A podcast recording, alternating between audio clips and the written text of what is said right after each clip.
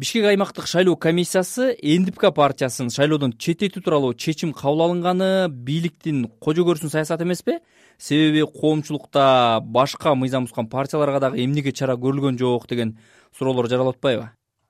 Негизи биз азыр э, жалпысынан байкап жатпайбызбы негизи мындай? Кыргызстанда саясат кандай жүрүп жатканынчы жалпы жону менен алсак мисалы э, тандалма түрүндө жүрүп жатканы байкалып жатат да. Коррупция менен күрөш болобу бул шайлоодо болобу баардык тарапта байкалып жатат да.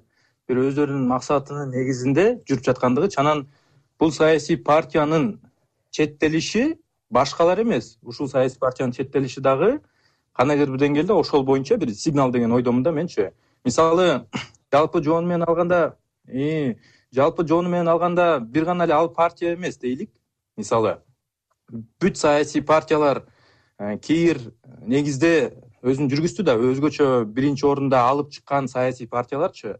Мисалы массалык түрдө биз көрүп жаттык. Жанакы шайлоо участогунда кандай иштер жүрүп жаткандыгын жанакы маскаларды маскалардан бери белгилерин коюп ошол себептен мен дагы тандалма негизде болду деген ойдомун боюнчачы. Он биринчи апрелде жергиликтүү кеңештерге өткөн шайлоо добуш сатып алуу жана административдик ресурс сыяктуу мыйзам бузуу менен коштолгонун айрым байкоочулар дароо эле айтып чыгышкан. Айрыкча мисалы ири шаарлар бишкек менен ошто шайлоо таза өткөрүлбөгөнүн белгилеп атышат. Бийлик башындагылар октябрь окуяларынан сабак алышыбыз керек деп билдиргени менен эмнеге таза шайлоо камсыз кыла алышпады? Мындай түшүндүрүүгө аракет кылайын. Мен экономика мыйзамдарынанчы мисалы азыркы учурда эл дагы кыйын жашоодо жашап жатат. Мисалы алар үчүн миң сом эки миң сом бир күндүк акча болсо дагы бул өзүнүн добушунан дагы ага бир пайда алып келүүчү нерсе болгондуктан эл дагы ошо добушун сатып жиберип атат да.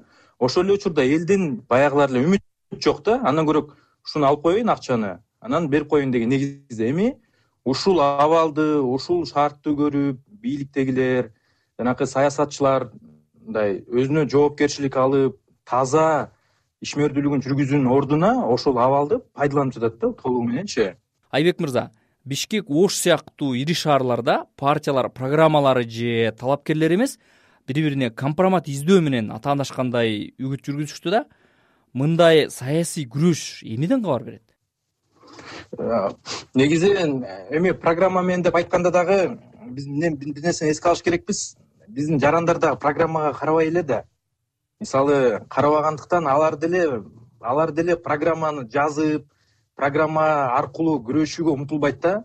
Алар үчүн дагы эффективдүү. Бул жанакындай э, компромат издөө бирөөнү жамандоо ушундай негизде жүрүп атат да. Бул шайлоо процессичи анан биз биз деле көрбөдүкпү жанагы программага деле маани бербей бир партиянын программасын төрт беш партия көчүрүп алганынчы айбек мырза акыркы суроом жогоруда биз санап өткөн шайлоо одоно мыйзам бузуулар менен коштолгонун эске алганда парламенттик шайлоонун кандай болоору белгилүү болуп калган жокпу? Белгилүү белгилүү. Бул деген негизи шайлоодогу элдин э, маданияты жана ошол эле саясатчылардын маданияты бир төрт беш айда өзгөрбөйт да. Буга деген катуу бир тартип керек буга деген катуу бийлик тарабынан аракет керек ошого мындай каалоосу керек да. Биз каалоо дагы жок экенин көрүп атабыз аракет дагы жок экенин көрүп атабыз. Келе жаткан парламенттик шайлоодо дагы ушундай көрүнүштөр уланат деген ойдомун. Өзүңөр билгендей мурунку э, төңкөрүштөр э, ушул шайлоо адилетсиз шайлоо өткөндүктөн келип чыгып атпайбы? Эгерде ушундай иштерин жанакындай адилеттүү шарт баарына түзүп бербесе бийлик. Алар үчүн дагы бир чоң сигнал болот алдыда деген ойдомун